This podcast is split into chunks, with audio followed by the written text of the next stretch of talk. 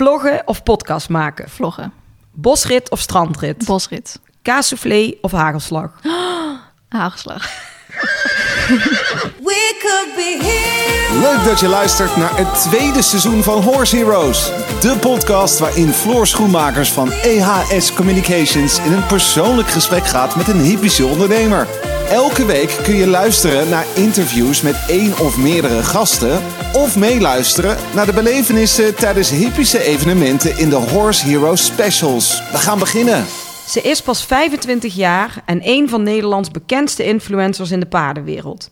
Onder de naam Feline Hoy maakt ze video's op YouTube. Op dit kanaal heeft ze ruim 90.000 abonnees en op Instagram zelfs 111.000. Samen met haar pony Marley geeft ze een kijkje in het leven van een echt paardenmeisje die sinds een half jaar ook de paarden aan huis heeft. Daarnaast maakt ze ook haar podcast, heeft ze een boek geschreven, haar eigen kledinglijn, een online YouTube-cursus en presenteert ze sinds kort ook een tv-programma. Vandaag is mijn gast de ambitieuze amateurruiter die altijd te laat komt. Feline de Jonge, Wat een intro. die Ja, altijd leuk. te laat komt. Ja, maar vandaag, vandaag kwam het goed uit, want ik kwam naar jou. Ja, precies. Kan ik niet te laat komen. Nee, maar superleuk, want ik ben vandaag eh, bij jou op bezoek in Loenen. Ja, bij, jou, bij jouw nieuwe huis. Ja. En we gaan eh, eigenlijk dubbel podcasten, want Yes. eh, jij bent eh, vandaag de gast in Horse Heroes. En tegelijkertijd eh, komt jouw podcast Ja, ook online. Gaan we straks ook nog even opnemen. ja, met, met, mijn verhaal, dus helemaal goed bezig. Hey Feline, kun je... Ja, wij kennen elkaar al de hele tijd, hè? jaar. We gaan al even terug, maar ik ben eigenlijk... Want heel veel mensen kennen jou natuurlijk ehm, van Instagram, van YouTube... Van, eh, van jouw verhaal, wat jij daar deelt. Maar ik ben eigenlijk vooral benieuwd naar het hele ondernemerverhaal achter jou. Maar ik wil eerst even helemaal terug in de tijd. Kun jij eh, eerst vertellen... eh, ehm, hoe het bij jou allemaal is begonnen? Als we, als we gewoon teruggaan naar de hele jonge Feline. Hoe het bij mij allemaal is begonnen. Nou, mijn eh, zus die deed paardrijden. En eigenlijk, dus als we het even in, in, de, in het paardengedeelte houden. En eigenlijk alles wat je zus vaak doet, Dat, dat je doe, jij na. en eh, we deden dat, ik weet niet meer hoe we bij diegene gekomen zijn. Eh, volgens mij, oh nee, eh, mijn zus die had een vriendinnetje in, op de basisschool. En die reed weer bij iemand. Die had gewoon een weiland met een paar Shetlanders. Meer niet. En die nam altijd in de auto dan de zadels en de hoofdstellen en zo mee. En dan kwamen wij daar naartoe. En dan gingen we daar eigenlijk altijd dus meteen buiten rijden. Dus Ja. mijn eerste paardrijles was gelijk op een buitenrit. Nou, dat hebben we volgens mij een paar jaar zo gedaan. Zij stopte er toen mee toen ze zwanger was. En ehm, daarna eventjes niks gedaan. Maneges wel gereden, maar was niet echt iets voor mij, had ik het idee. Eh, op één manege gereden waar we ook op een gegeven moment gewoon niet echt meer iets leerden eigenlijk. Andere manege gereden. Ik heb er drie lessen gedaan en toen ze, de instructrice zei van ga linksaf en mijn paard ging rechtsaf en ik kreeg hem echt met geen mogelijkheid linksaf. Toen dacht ik ook, nou hier heb ik ook geen zin in verzorgpony gehad, eh, nog een verzorgpony gehad. En toen dus, toen ik 14 was, heb ik Marley gekocht. Op je veertiende Op al. mijn 14e. Maar waar eh, ben jij opgegroeid? In Maasluis. Ja. Met eh, één zus dan. Ja, met mijn zus en mijn ouders. En daar, je zus was altijd rijden, kwam je met de paarden in contact. Maar Ja. je ging natuurlijk ook naar school. Ja, ja. Ja, gewoon basisschool gedaan. En toen hebben we de HAVO gedaan. Die heb ik met wat hulp in één keer gehaald. en eh, daarna ben ik gaan studeren in Rotterdam. Maritiem officier. Dus dat is echt heel iets anders dan wat ik eigenlijk nu aan het doen ben. Oh ja. Ehm, dat eerste jaar heb ik toen niet gehaald om meerdere factoren. Eigenlijk vooral omdat ik na twee weken al een vriendje kreeg. En die stopte er na een maand al mee. En toen was ik ook niet heel actief meer op de opleiding. Die stopte met de opleiding of Ja. die stopte met jou? Nee, die stopte met de Oh. opleiding. Na een half jaar stopten we ook met elkaar. Ehm, toen dacht ik wel nog steeds, ik ga door met deze opleiding. Ben ik in Amsterdam maritiem officier gaan doen. Maar precies in die zomer ehm, ja, escaleerde het op YouTube eigenlijk een beetje. Ja, het zijn echt heel veel verhalen die soort van door elkaar lopen.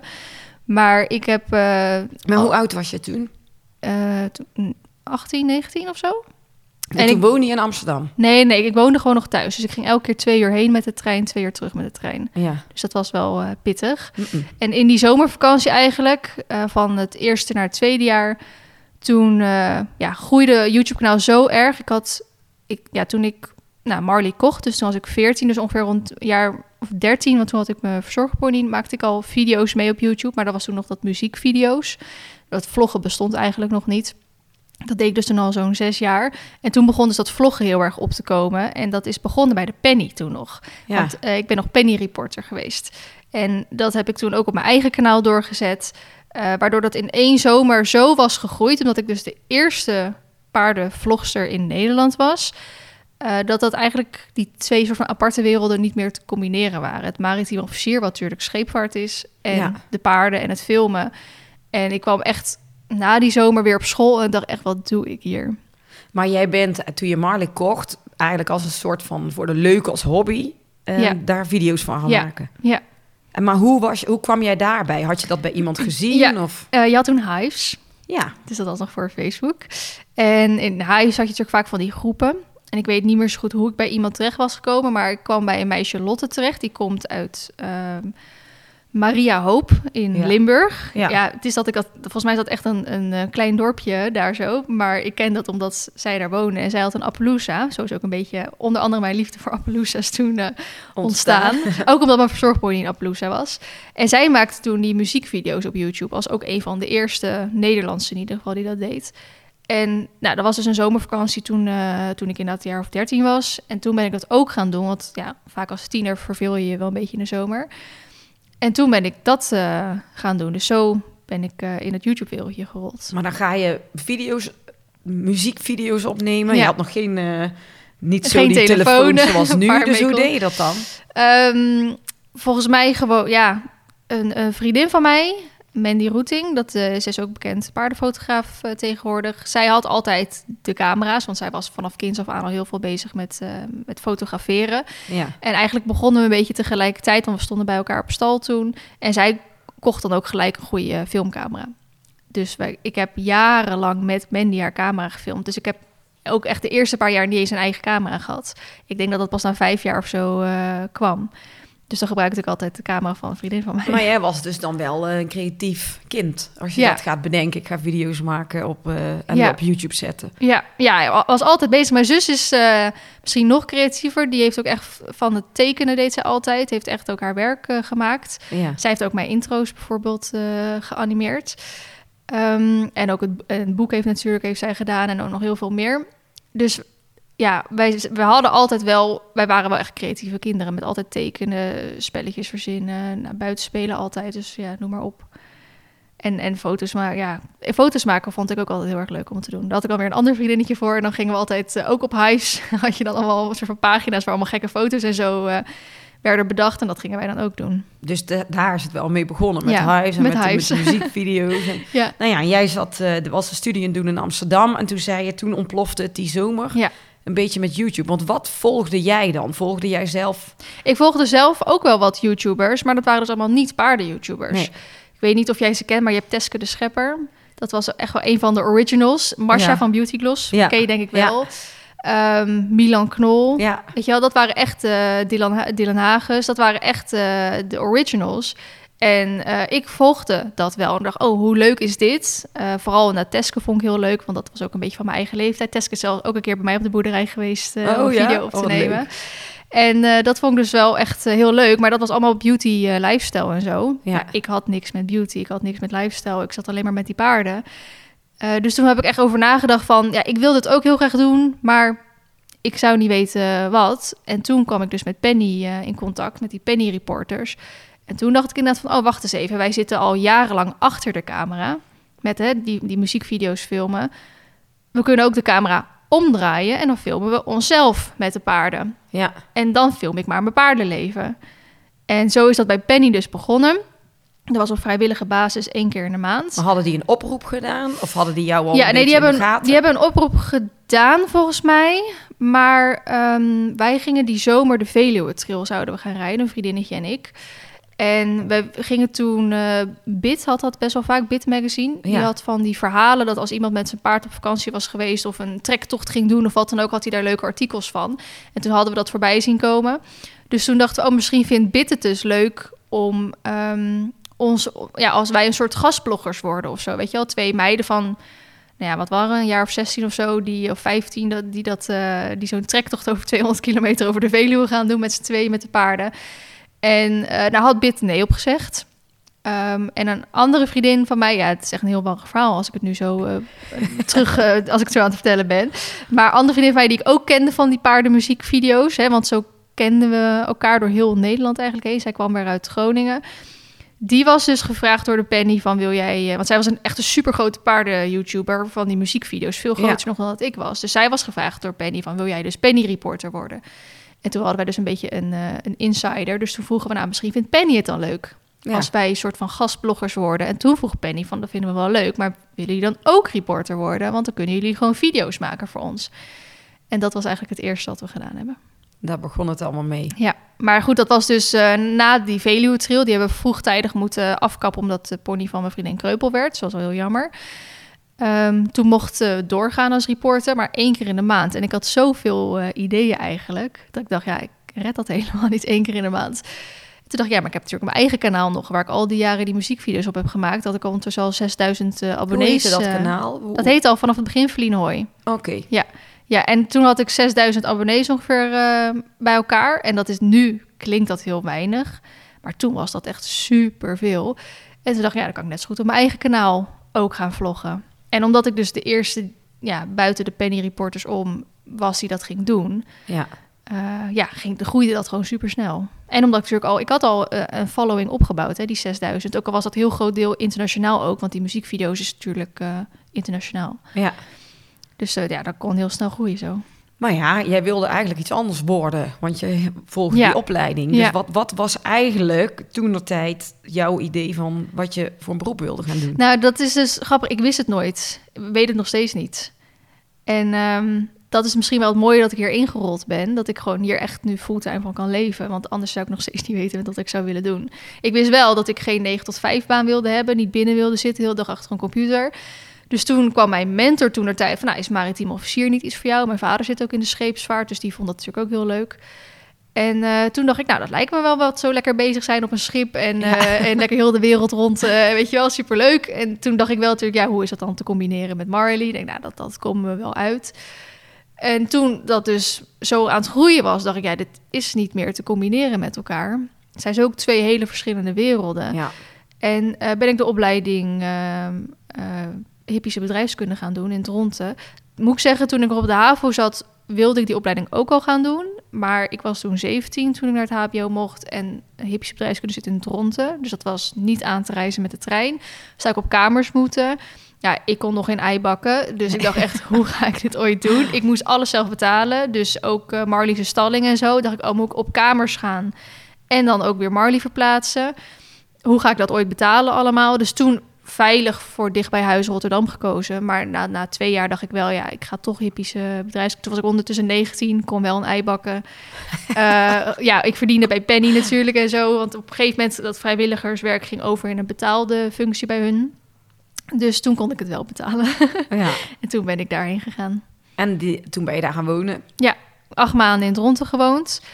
En ehm, Marley heb ik, dit is ook weer een heel apart verhaal. Marley heb ik op een gegeven moment verhuisd naar ehm Renen, toen de tijd nog. Omdat eh, ik bij in mijn sluis stonden. En ja, als je graag van buitenrijden houdt, is er gewoon echt geen zak te vinden.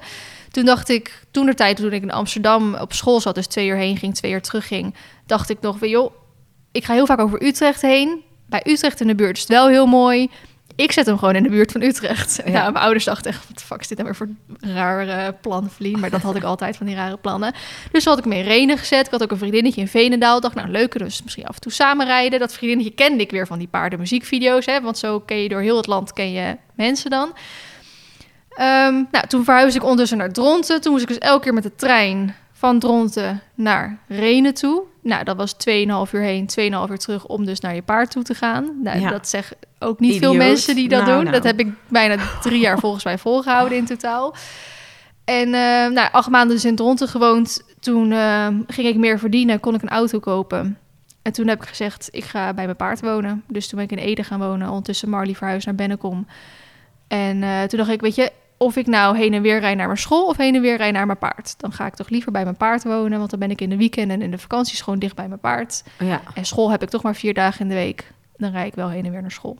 En dat was nog maar een uurtje met de auto. Dus dat heb ik ook nog een paar jaar gedaan. ja, want daar eh, ben ik bij jou ooit eh, op bezoek geweest. Ja, in de studentenkamer. Ja, de, de eerste keer dat wij elkaar ontmoetten daar. Klopt. Maar ja, jij hebt toen eh, wel die opleiding afgemaakt. Ja, ik heb er wel lang over gedaan.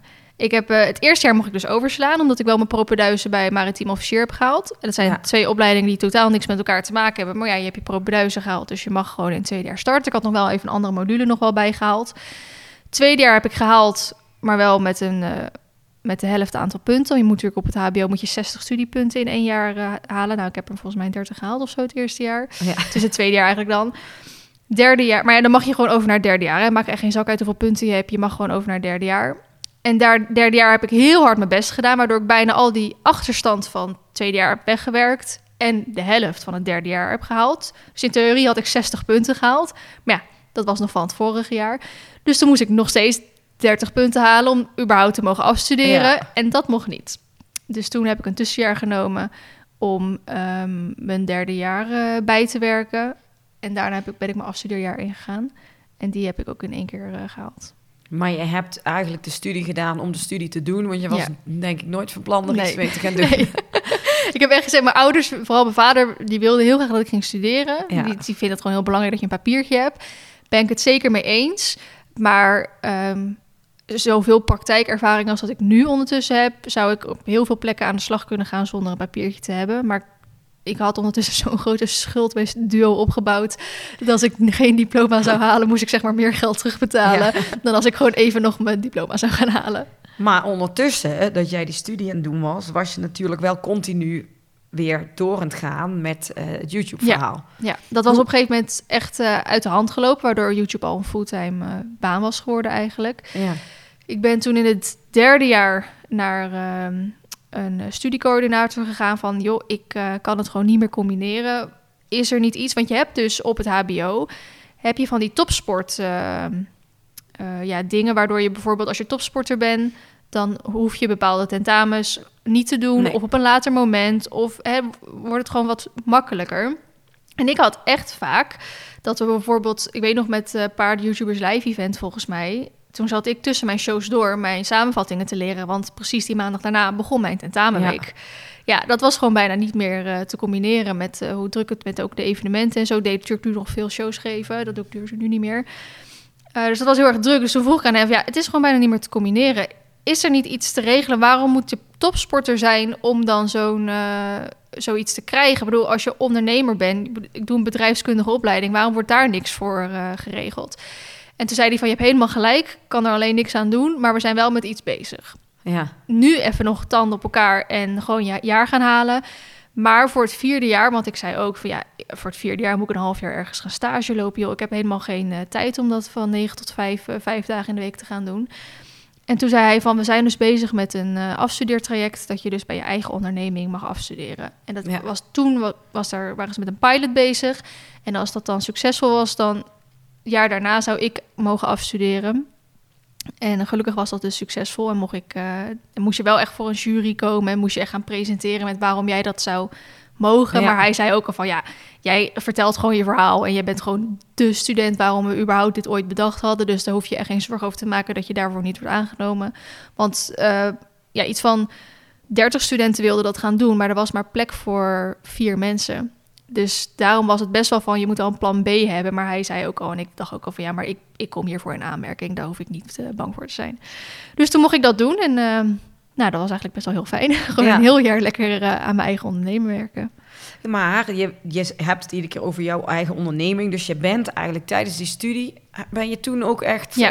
eh, heb je je ingeschreven Ja. bij de Kamer van Koophandel? Ja, voor mijn twintigste heb ik me nog ingeschreven. En wat Ja. was jouw bedrijf? Want hoe omschrijf je jouw bedrijf? Want ik denk mensen die jou kennen weten precies wat je doet. Maar Ja. misschien zijn er nu ook luisteraars die denken... "Huh, wat hoor ik nou allemaal?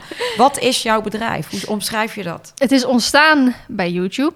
Ja. En met YouTube verdien je geld. Hè, omdat eh, Google, YouTube is van Google en die speelt allemaal advertenties natuurlijk over je video. Eh, dus je verdient met YouTube zelf geld.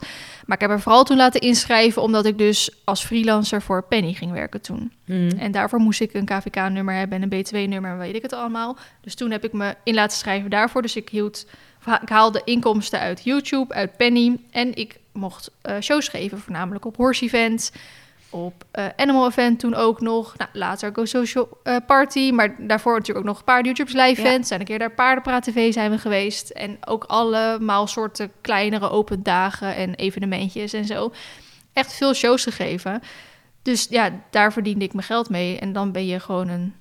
Ja, Ja. maar dat komt omdat jij op YouTube ehm, heel veel volgers hebt. Ja. Want je, je begon nooit met 6000 Ja. en eh, inmiddels zijn het er hoeveel? Ja, ne- 90 zitten er volgens mij op 90.000. 90.000 abonnees. Dus Ja. jij bent voor een hele grote groep mensen een idool. Ja. Want dat is natuurlijk ook het ding waarom ze jou volgen en waarom je die shows mag doen en dat je publiek trekt. Ja. Want wat laat jij zien op YouTube? Nou, zoals je eigenlijk in je intro ook al vertelde, gewoon het leven van een paardenmeisje. Ja, Ja, ik doe voor mijn idee helemaal niet echt iets bijzonders of zo. Maar ze zeggen toch wel, je hebt toch zo'n quote van zo'n eh, van zo'n merk van eh, blijf eh, zolang je ge- gewoon blijft. Hoe zeg je dat nou? Ehm, nou, kut, ben ik het kwijt. Ehm, dan word je vanzelf bijzonder, weet je wel? Want, zolang je gewoon blijft Ja. of zo. Eh, als, je, als, je, als je lang genoeg gewoon blijft, word je vanzelf bijzonder. Ja, Dat is hem. En ik denk dat dat bij mij een beetje het geval is. Want ik film gewoon... eh, ja, ik heb een eigen pony gekocht toen ik 14 was. Nou, vloggen begon ik te doen toen ik 16, 17 was. Ik stond op een pensionstal toen. En eh, ik filmde gewoon als ik een dagje naar stal ging. Als ik een wedstrijdje had. Als ik op buitenrit ging. Als ik naar een evenement ging. En dat filmde ik gewoon. Hmm. En dan ging ik dan ook video's maken. Ik probeer altijd een beetje een onderscheid tussen vloggen en video's te maken. Vlog is dus echt dat je iemand meeneemt tijdens een activiteit of een dag. En een video heeft dan meer een onderwerp. Bijvoorbeeld dus eh, vijf tips voor de winter of eh, Ja. nou, noem het maar op. Dus dat ging ik ook allemaal maken. Daarbij kwam natuurlijk ook Instagram. Dus daar post je dan ook heel veel achter de schermen. Foto's, eh, video's en zo op. En de stories en zo. Dus dat versterkt elkaar allemaal. Eh, dus zo begon ik op YouTube eigenlijk. ehm, ja, gewoon te doen wat ik leuk vond. Gewoon de camera pakken met wat ik aan het doen was. En dat is wel een van de succesfactoren bij ons. Dat we zo veelzijdig zijn. We focussen ons niet op één discipline. We zijn, hè, zoals je ook zei, de amateuristische... eh, eh, nee, dat is de amb- Ambi- ambitieuze, amateurruiter. zo heeft iemand anders mij een keer genoemd. En toen dacht ik, oh, dat vind ik best wel een, eh, een goede eigenlijk. Ik ben geen, ik heb ook totaal geen ambities om internationaal te gaan rijden. Hè. Dus net zoals toen jij vroeg sportcarrière of tv-carrière. En ik nou, eigenlijk geen van beide, want ik hoef ook echt geen sportcarrière te hebben. Want ik vind het gewoon net zo leuk om te, buiten te rijden. Maar ook als ik het een keer druk heb, staat hij een keer twee weken stil. En ja, dat, eh, dat, dat filmde ik gewoon allemaal. Ja, maar je hebt dus heel veel van je leven laten zien. Dus Ja. eigenlijk is bijna heel jouw... Van, ja, vanaf je, Ja, vanaf je veertiende... ja, Vanaf je achttiende ben je echt een beetje met de andere kant begonnen. Weet je, dat je jouw leven liet zien. En nu ben je 25. Dus je hebt al jarenlang ja.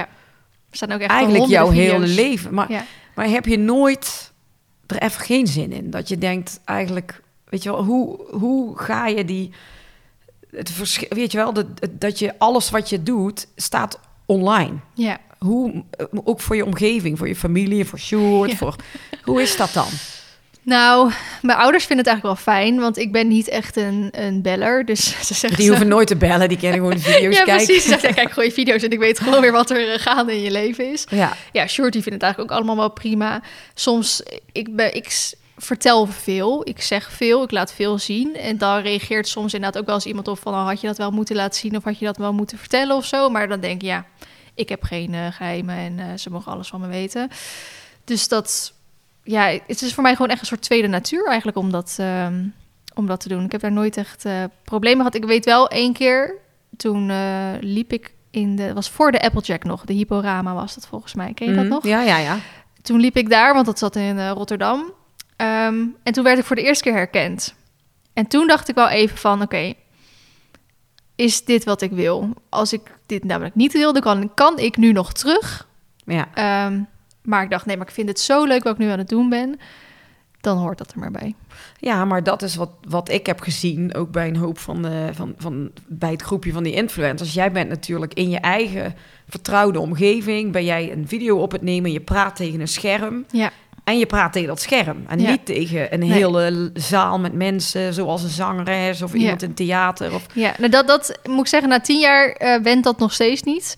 Nee. Omdat ik echt inderdaad, als ik aan het vloggen ben, dan denk ik echt, ik praat tegen een scherm of tegen een vriendin aan die mij Ja. heel goed kent.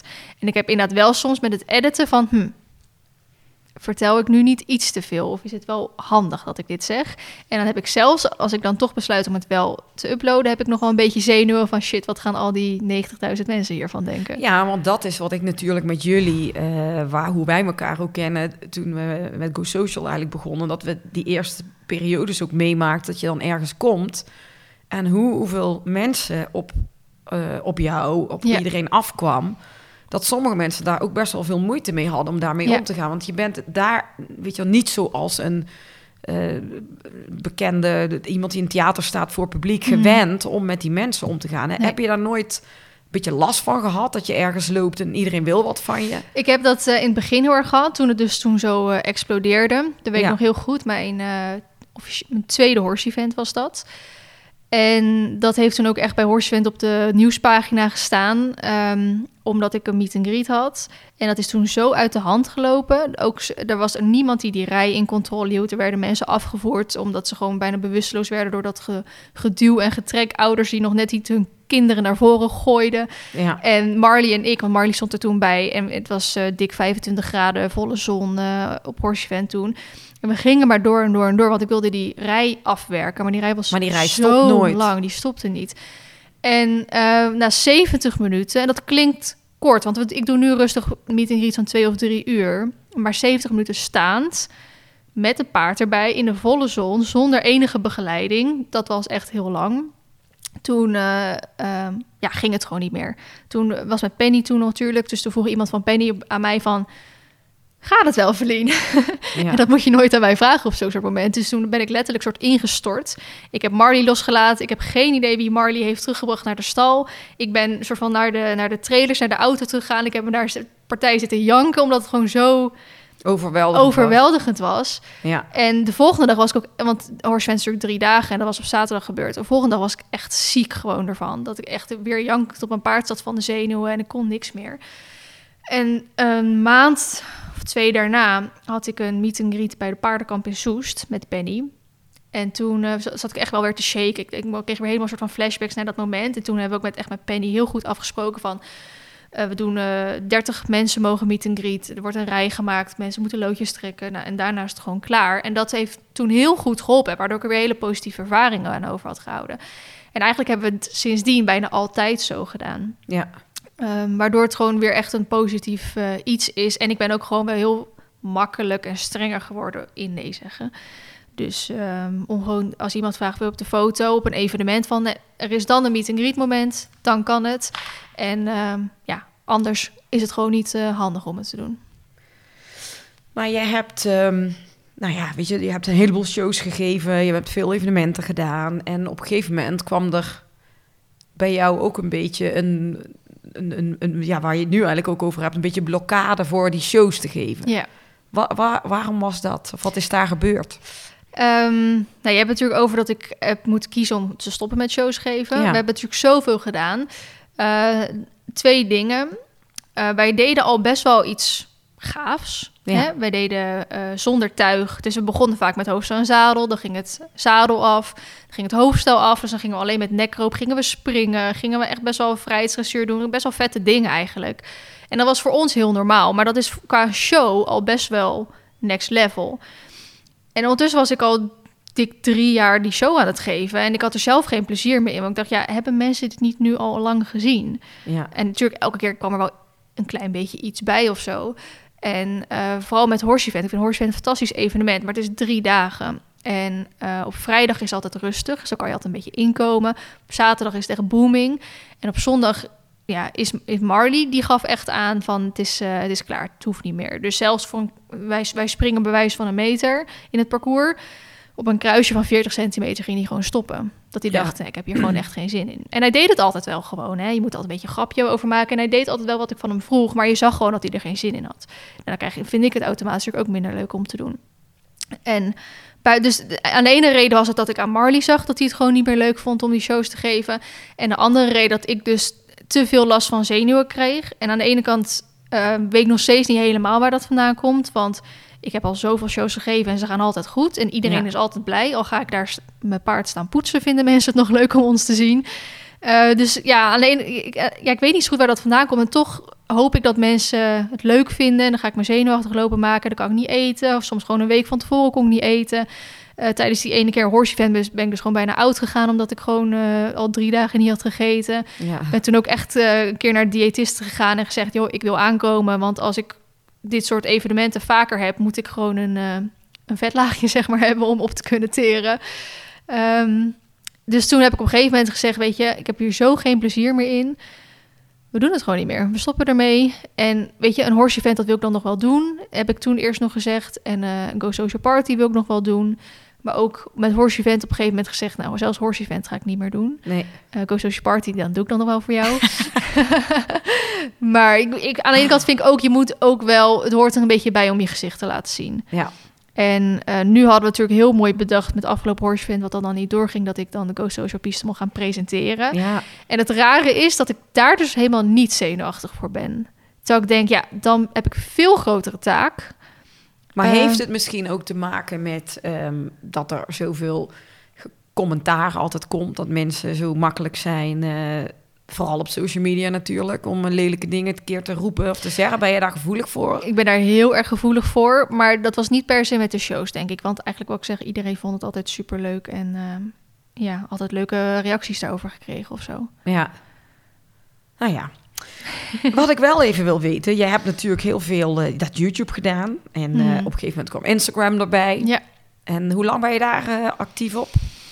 Oh, dat is ehm, denk ik nu ook wel zes jaar. Ja, en daar heb je ook heel veel volgers. Dus Ja. daar Meer dan op YouTube. ja, 111.000 Ja. echt. En je, bent ook nog wat heb je nog meer? Andere doe je ook TikTok? Nee, ja, ik heb wel TikTok.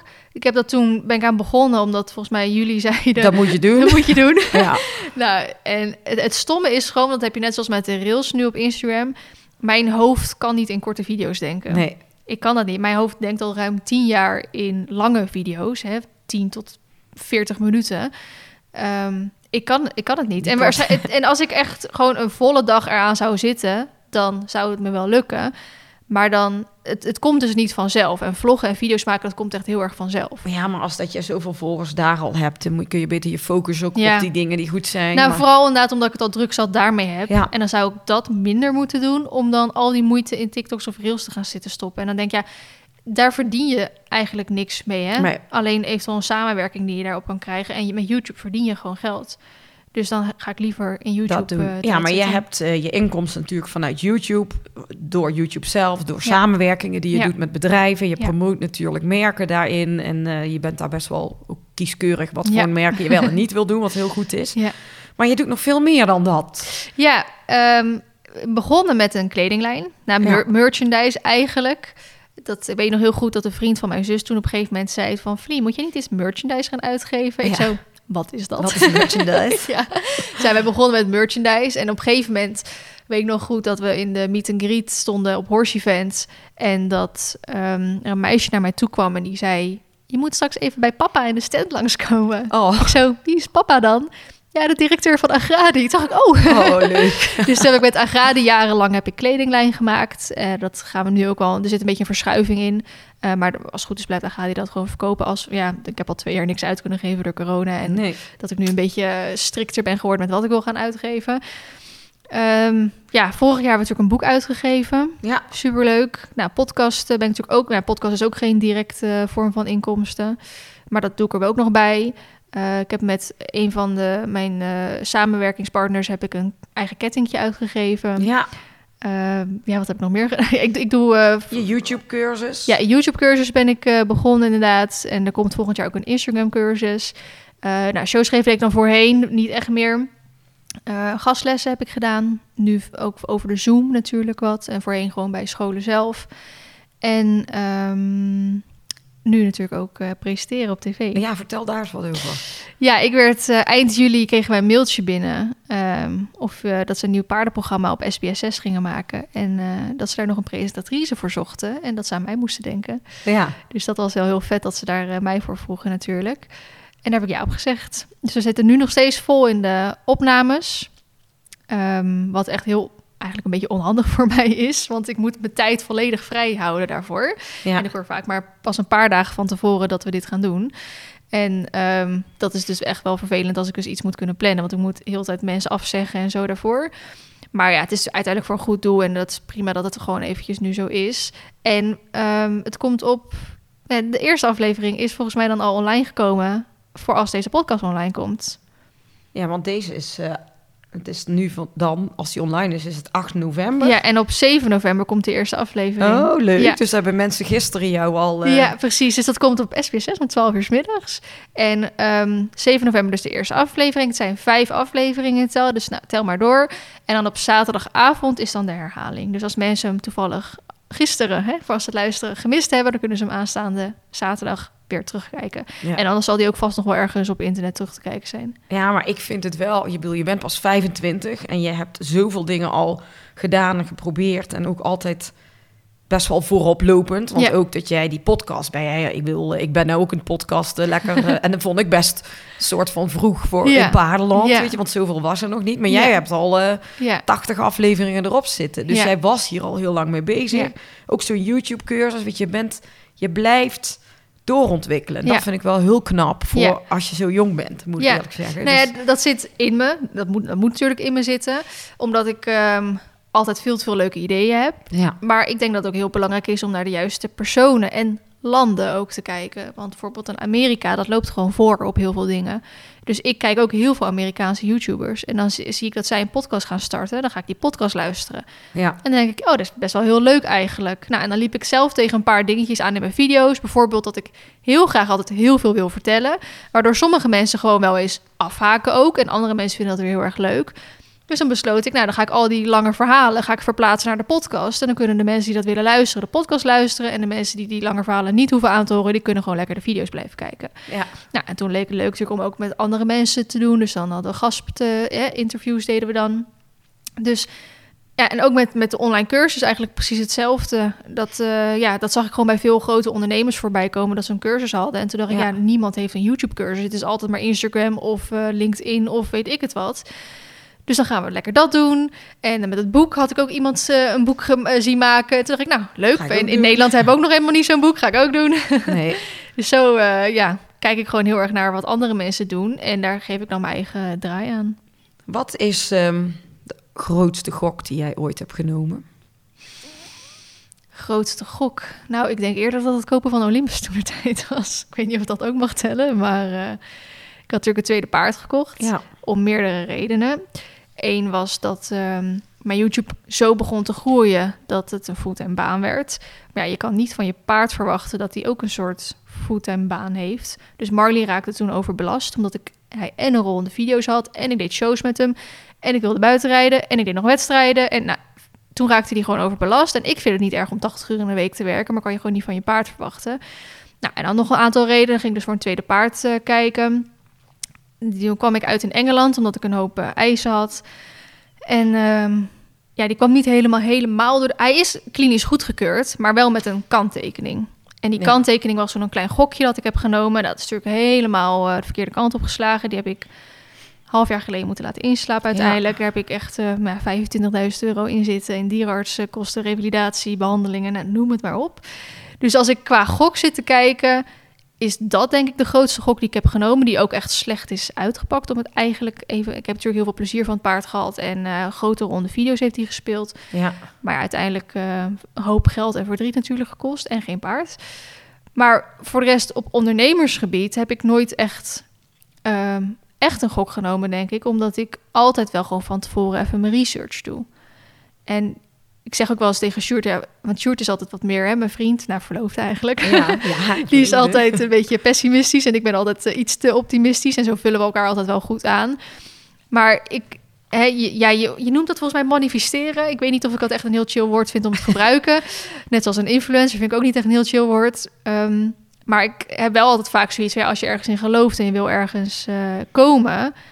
Ja, dan ga je dat toch gewoon lekker doen. Maar maak je dan een plan?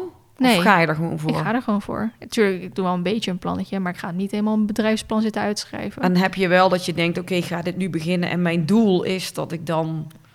Nou, het, het doel is vaak eh, plezier hebben. Ja, En eh, ja, het moet of eh, geld opleveren of kiet spelen op zijn minst. Ehm, net zoals die online cursus, die online YouTube cursus, die heb ik tijdens mijn coachingstraject heb ik die gelanceerd. En Ja. Dat zijn echt eh, eh, ondernemers die daarin zitten. En die zeiden van ja, je moet echt een heel plan gaan schrijven. Hoeveel wil je er verkopen? Hoeveel wil je dat gaan doen? Hoe ga je dat doen? Ga je reclame? Nou, bladibladibla. Hoeveel ga- uur ga je erin stoppen?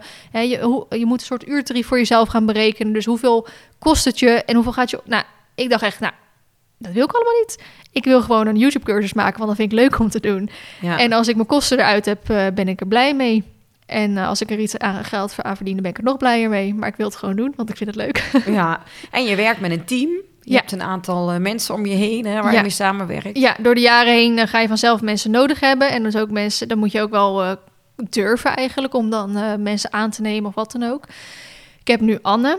Die Ja. werkt voor mij anderhalve dag in de week. En dat is wel heel fijn. En die heb, heb ik aangenomen, niet eens per se voor het werk. Want in theorie zou ik het werk ook wel zelf kunnen doen. Eh, het is meer dat ik probeer dingen die ik wat minder leuk vind... of wat minder talent zelf voor heb, die geef, die, eh, geef ik dan uit. Maar ja, het komt ook wel eens voor dat ik gewoon totaal geen zin heb in werk. En ik zeg tegen Anne, kom, we gaan het gras maaien.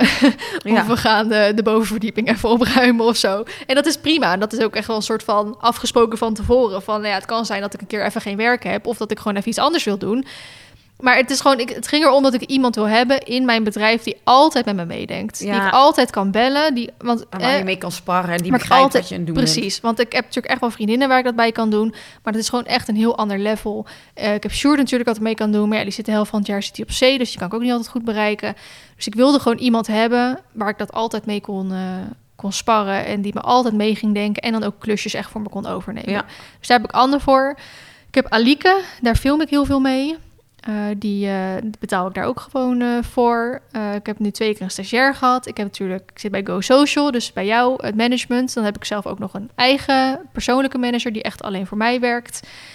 En het is heel lullig als ik nu iemand vergeet. Oh, ik heb Sanna nog, die is mijn huisfotograaf, Ja. die dus veel foto's voor mij maakt altijd. Ik denk dat dat de belangrijkste mensen waren. en Sjoerd, die is ook altijd een soort extra manager. Tuurlijk, Sjoerd, eh, die denkt ook altijd mee. de Sjoerd is ook heel belangrijk. Ik wil even naar een stukje muziek. Mhm. Ehm, welk liedje? Heb jij een liedje wat belangrijk voor je is? Of waar een herinnering aan is? Of iets? Ehm, ja, ik denk voor mensen die rond mijn leeftijd zijn, zullen ze het liedje herkennen van de film Spirits. Ja. Hè, dat is al, was echt de paardenfilm van mijn jeugd in ieder geval. Die heb ik echt wel tien keer gekeken. Dat was het moment dat Spirit geboren werd. En eh, nou, dat is al een hele tranentrekker als je dat luistert. En op dat liedje heb ik ehm, volgens mij de eerste video met Marley gemaakt. Dus de eerste muziekvideo met Marley gemaakt. Dus toen jij aan mij vroeg van welke nummer past echt bij jou? Ja, ik, het is raar omdat ik met muziekvideo's ben begonnen, maar ik heb zelf niet zo heel veel met muziek. Ik luister Nee. altijd gewoon radio en eh, nou prima. Dus ik heb niet echt per se een, eh, een favoriet nummer of die ergens aan moet denken. Maar toen ging ik dus even bij mijn muziekvideo's terugkijken en dan krijg ik echt wel weer helemaal flashbacks. Daar begon het mee. Daar begon het mee. We gaan een stukje luisteren. Here I am, this is me. There's nowhere else on earth I'd rather be. Here I am, it's just me a dream.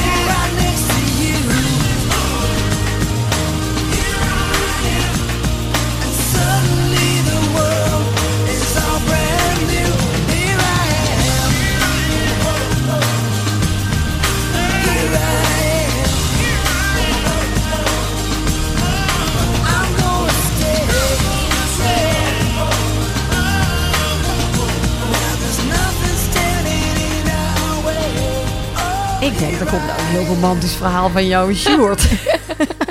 ik zat ook over na te denken. Of iemand zei ook, van, ja, die muziek die achter jullie verlovingsvideo zit. Ik zei, ja, die had Carmen uitgekozen. Ik heb geen idee.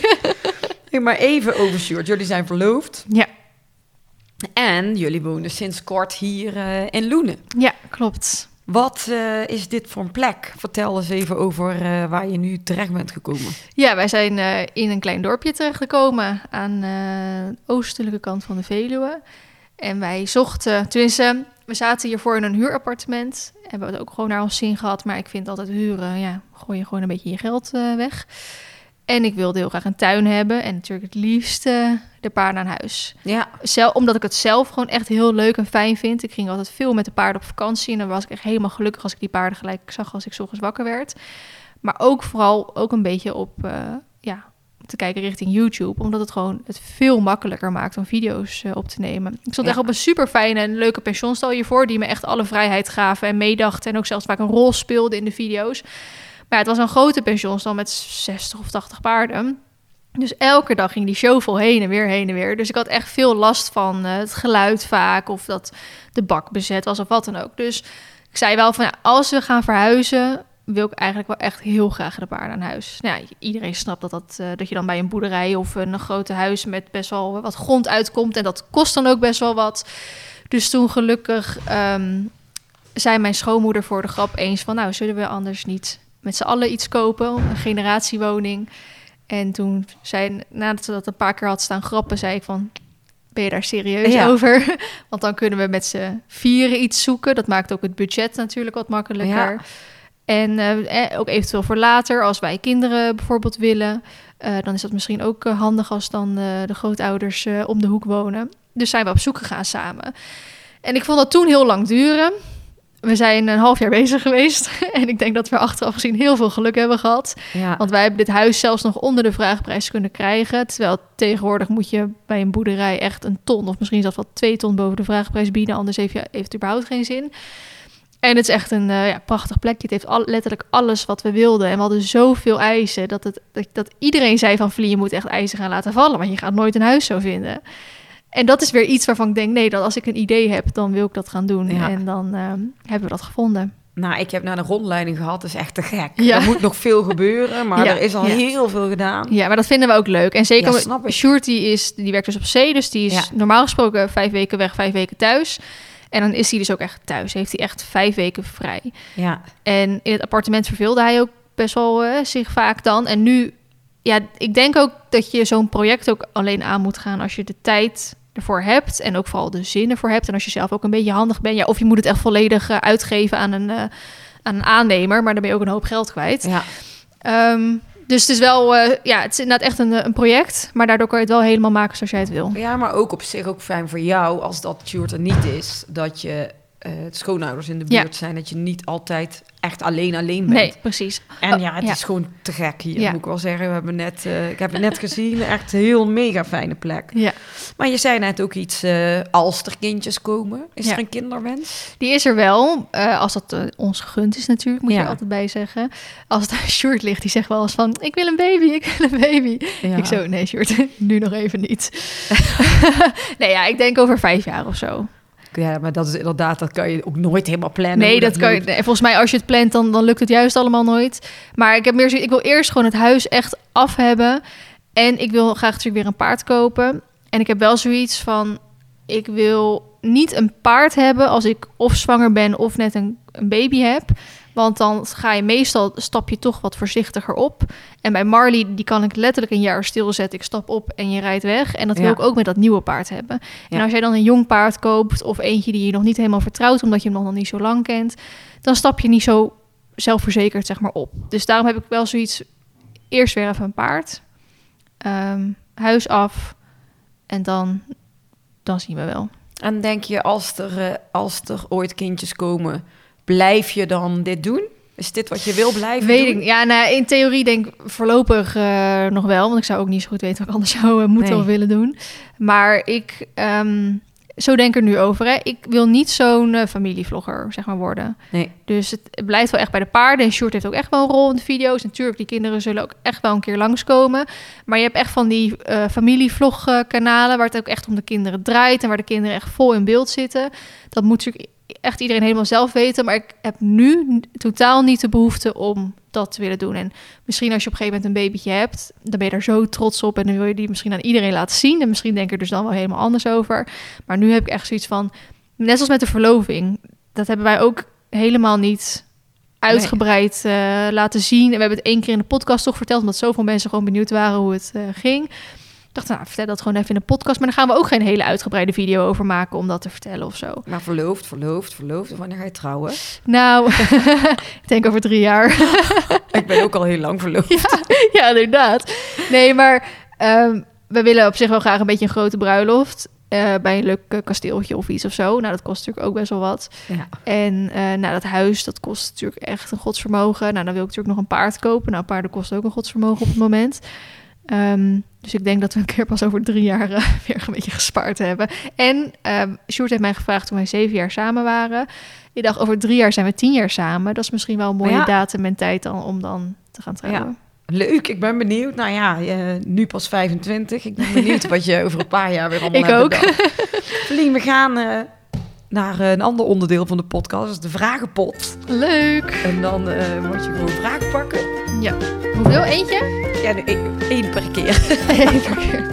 Ja, ik ga... Oh, het valt er voor de helft uit. Moet ik hem gewoon voorlezen? Ja. Ga je liever naar de zon of naar de sneeuw?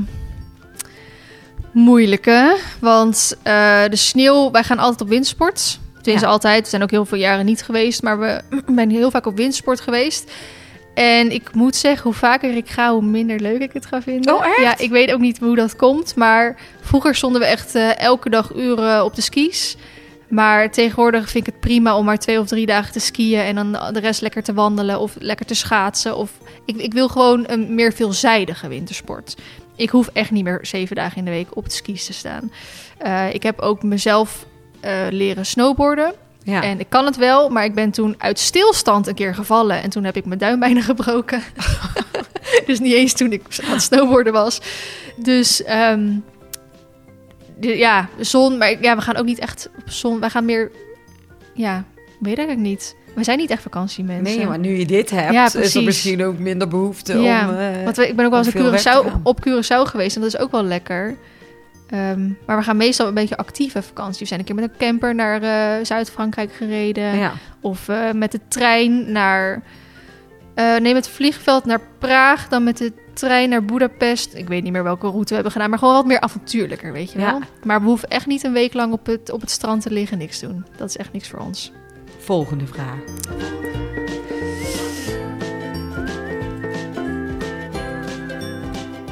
Met wie zou jij graag 24 uur willen doorbrengen? Hmm, dat is een goeie. Eh, hoe raar het ook is, want ik heb bijvoorbeeld zelf heel veel fans. Maar dat vind ik heel raar, maar ik ben zelf van niemand fan. En, maar ik weet niet of dat een leeftijd dingetje is. Ben jij van iemand fan? Ehm, nee. Nee, ja, in mijn tijd was dat natuurlijk Nee, nog ja, ja. ik was vroeger... ehm, van, eh, ja, mijn idool was Ankie van Ja. Natuurlijk. Ja. Maar dat, ja, dat was toen ik jonger was. Maar het is nu niet... Nee, Nee. Nee. Nee, ik maar zou het kan toch ook iemand zijn die, die je kent uit je verleden... of iemand van je familie... of iemand die, er, die niet meer leeft... of, of een be- beroemd persoon. Of Nou, gelukkig heb ik volgens mij niet... Ja, mijn geheugen is zo slecht. Ik vind dat altijd zo erg. maar volgens mij heb ik nog niet echt iemand verloren... waar je echt, eh, waar je echt graag weer 24 uur mee wil doorbrengen. Hè? Dat is fijn dat ik dat kan zeggen. Eh, maar meer, ik denk dan toch een, ja, een, idool. Ik heb uit eh, Engeland wel een paar YouTuber die, die ik echt wel als voorbeeld zie. En ook echt wel veel inspiratie uit haal. Ja. En zij is ook volgens mij de grootste paarden-YouTuber van de wereld. Met een half miljoen volgers. En dat vind ik altijd wel heel interessant. eh, want zij laat ook niet veel achter de schermen zien, weet je Wie wel? is dat? This As Me heet zij. Ja, dat is echt een beetje degene die jou heeft geïnspireerd. Ook Ja. eh, met veel dingen. Ja, met veel dingen inderdaad ook. Dus daar ben ik dan wel misschien meer gewoon heel erg benieuwd hoe dat daar achter de schermen Ja, en wie gaat. dat is en hoe ze Ja, is. ik, ja, ik heb haar wel ontmoet één keer, want toen waren we bij het CEO in Rotterdam. ja. En zij was daar eh, voor de FAI aan het filmen en ik was daar eh, vanuit juli, Ja, denk ik. volgens mij toen ook. En toen hebben we wel een stukje film opgenomen samen, maar dat is dus niet in haar video gekomen. Oh, Dus ik zit nu echt van, vond je het dan niet leuk? of past het gewoon niet of Nee. zo? ja, maar wel, ja, maar goed. Dat had je dan kunnen vragen op die 24 uur. Ja. hè, Als dat gebeurt. Ja. Oké, nog een vraag.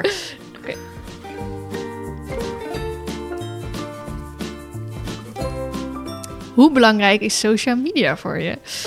nou, dat jij die nou net ja, dat pakt. ik die nou net pak. Nou, ja, voor mij is het heel, eh, heel belangrijk omdat het mijn werk is natuurlijk. En ik zit er ook, ik, ik zit er ook zelf heel veel op. Ja, En eh, daar heb ik ook al een keer een Instagram post aan gewijd. Eh, met de insteek van, ik keek zelf heel veel YouTube.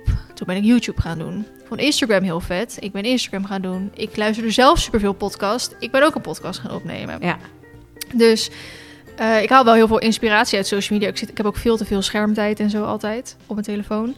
Dus, pardon, voor mij is het wel echt ehm, heel belangrijk. Maar ik, ik zou het ook wel weer, ehm, hoe zeg je dat? Ik zie het dus wel echt als werk. ja. Dus qua persoonlijke dingen doe ik er heel weinig mee. Dus bijvoorbeeld als wij met vriendinnen een weekendje weg zijn... of een keer uit eten gaan of toen het nog kon uitgingen... dan staat iedereen altijd met die telefoon foto's van het eten te maken... of van in de club, Snapchat, weet ik het wat. En dan ben ik altijd degene die dus mijn telefoon niet aanraakt. Dus ik maak heel weinig foto's en video's van Privé. privé-momenten. Ja. En aan de ene kant vind ik dat zonde, want soms dan... Ik hoef het dan niet te... Ik kan het ook gewoon eh, maken en gewoon op mijn telefoon laten staan en er niks mee doen. Maar ook dat doe ik niet, omdat ik dan heel erg heb van ik wil in het moment leven.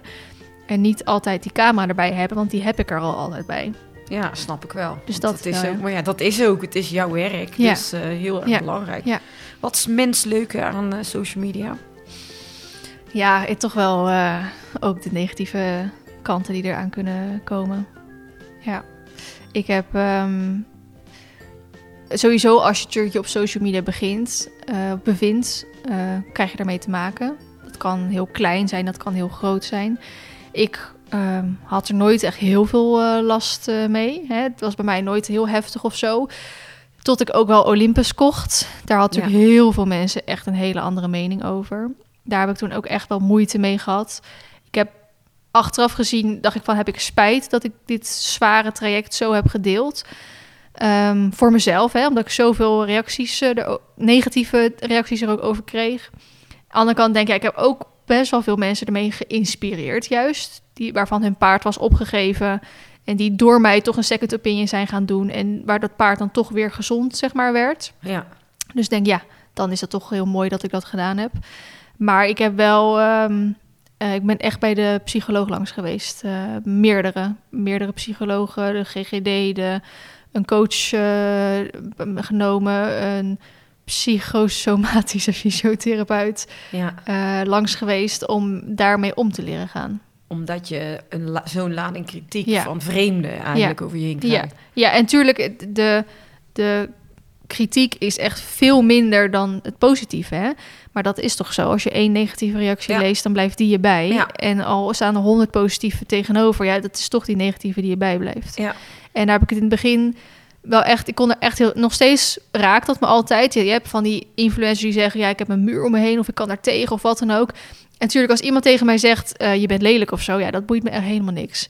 Maar als je het echt op persoonlijk vlak of over mijn paarden of wat dan ook gaat, of, of echt iets zegt wat gewoon niet waar is of zo, dan wil ik toch, ja, daarop ingaan of zo. En dan niet omdat ik me gelijk wil halen, maar ik ben gewoon heel graag vrienden met iedereen. Ja. Ik wil gewoon heel graag met iedereen door één deur kunnen en dat we elkaar gewoon leuk en aardig vinden. En ik snap ook heel goed dat dat niet kan. Je kan niet iedereen leuk vinden.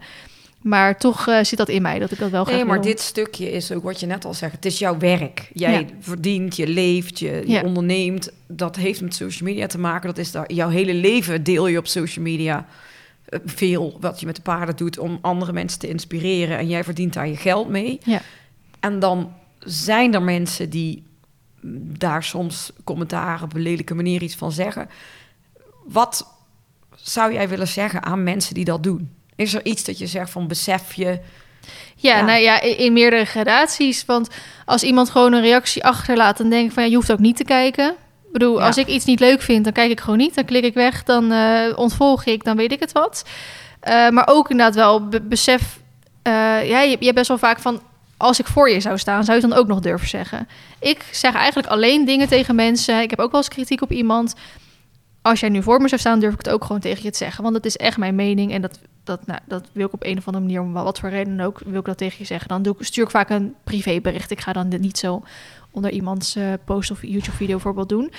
Maar ik denk van ja, wat, wat maakt het jou bijvoorbeeld beter? Of ga jij je er beter door voelen om dat te zeggen? Ehm, vooral vaak met hoe het overkomt op iemand. Het is Ja. echt zo vaak van, dit had je ook echt anders kunnen zeggen. En dan, had ik het, dan hadden we het er gewoon over kunnen hebben. En dan was het goed gekomen en dan bladibla. Maar ook inderdaad, soms kan het heel heftig gaan. En dan denk ik echt van, joh, ehm, als je echt zo'n groot probleem ermee hebt of wat dan ook. Ja, eh, dit is echt mijn werk eigenlijk, mijn, mijn levensproject. Dus ik snap niet zo goed waarom je dit nou probeert te doen. En Ja. Nou Ja. ja, het, het kan soms ook zijn of dat ze het niet weten, of Ja. dat er misschien eh, Jaloers, ja. dat dat is. Of, en, onbegrip. Of, en misschien soms ook dat je dingen anders typt dan Ja. dat je ze zou zeggen. Precies Ja. wat je zegt. Dat is echt zo vaak zo dat mensen... Hè, ze zeggen dat wel eens van geen haat, maar dit, dit. Ja. En ik, ja, dat eigenlijk valt allemaal wel mee altijd. Maar soms dan kunnen mensen zoiets typen of zeggen dat ik denk van... Lees je eigen tekst eens na. Dit, Ja. dit is toch niet normaal wat je nu zegt. Terwijl je het ook als je het heel anders had verwoord... dan was het heel anders geweest eigenlijk. ja, omdat het soms ehm, ja, ook heel kwetsend kan zijn. Ja, ja. Maar ja, goed, dat is een klein stukje, gelukkig. Het Ja. meeste is allemaal leuk en positief en Ja. blij. En eh, fijne mensen die je allemaal volgen en hele leuke reacties. En, ja, Want daarom doe je het al zo lang. ja, ja. En ik hoop dat je het nog heel lang blijft doen. Hetzelfde want eh, je bent echt eh, heel goed bezig. Ik vind het echt knap wat je allemaal hebt opgebouwd in die korte tijd. En wij zijn inmiddels aan het einde van de podcast. We zijn alweer ruim een uur aan het kletsen. ja. En ik wil jou heel erg bedanken dat je mee hebt gedaan. Want ik vind het wel heel leuk om even een andere kant van jou ook eh, te laten horen. En ook de mensen die naar, naar deze podcast luisteren... die misschien iets meer een beeld krijgen van wat doen die influencers... wat dan Ja, een ja. stom woord is... maar wel degene die zo actief zijn op social media dan precies. ja. Dat ze daar iets meer een idee van hebben. En vooral van iemand die zo actief is als jij. Ja, voor mij heel leuk om een keer aan de andere kant van het, eh, van het interview te zitten. Normaal gesproken ben ik altijd degene die de interviews eh, doet. En ik heb, ehm, wat wij altijd doen... aan het einde van de podcast hebben we een giveaway... Oh, En dat ben ik je vergeten te vragen in Ja. het begin. oh nu moet ik heel snel gaan nadenken wat het gaat zijn. Heb je niet iets leuks wat je kan weggeven aan, eh, aan de luisteraars? Ja, eh, nee, ik heb inderdaad laatst een eh, kettingje gemaakt. Dus dat is misschien wel heel... Ja, ik heb heel veel. Ik heb een boek, ik heb een online cursus. Nou, maar het ook, kunnen natuurlijk ook... Ja, ik weet niet of mensen kunnen kiezen of zo. Ja, wat jij wil. We kunnen natuurlijk bijvoorbeeld ehm, eh, het boek... Daar heb ik er nog wel wat van liggen, omdat ik dat eigenlijk de bedoeling was op evenementen te verkopen. Ja, Ehm, dus het Hinneke-boek hebben we. Je kunt er ook een, eh, een toegang tot de online eh, YouTube-cursus doen. Of een kettingje. Dat is natuurlijk ook het, het kettingje wat ik heb zal ontworpen. ik, maar is er één winnaar die iets mag kiezen of drie winnaars die één van die drie Nee, mogen doe kiezen? maar eh, één winnaar die iets mag kiezen. Één winnaar die iets mag kiezen. Nou, Ja. superleuk. Wat moet je daarvoor doen? Je hebt de podcast natuurlijk geluisterd. Vandaag hebben we een post gemaakt over eh, de podcast met Feline. Laat een bericht eronder achter. eh, welke van de drie prijzen je leuk zou vinden. Het Hinnekeboek, het kettingje of toegang tot de online YouTube-cursus. En dan gaan wij eh, over twee weken een winnaar bekendmaken. Um, Feline, nogmaals super bedankt. En eh, het gekke is dat we dadelijk de microfoons gaan omdraaien. En dan kunnen ze ook eh, jouw podcast luisteren natuurlijk. Ja, ja, die staat nu ook online. Als Waar is. kunnen mensen meer over jou te weten komen? Nou, mijn Instagram en YouTube gaat onder de naam Hoy. Ja, Eh, website is ook www.felinehooy.nl. Dus dat, ja... Als je Hoy googelt, dan kom je er wel. dan vinden ze jou vanzelf. nou, eh, dit is het einde van de podcast. Volgende week hebben we een eh, verslag van de dressuuravond bij Wheel of Jumping in Antwerpen. Zijn we daar op bezoek geweest en hebben we een kijkje achter de schermen genomen. Kun je daarna luisteren. Feline, bedankt en eh, tot volgende week.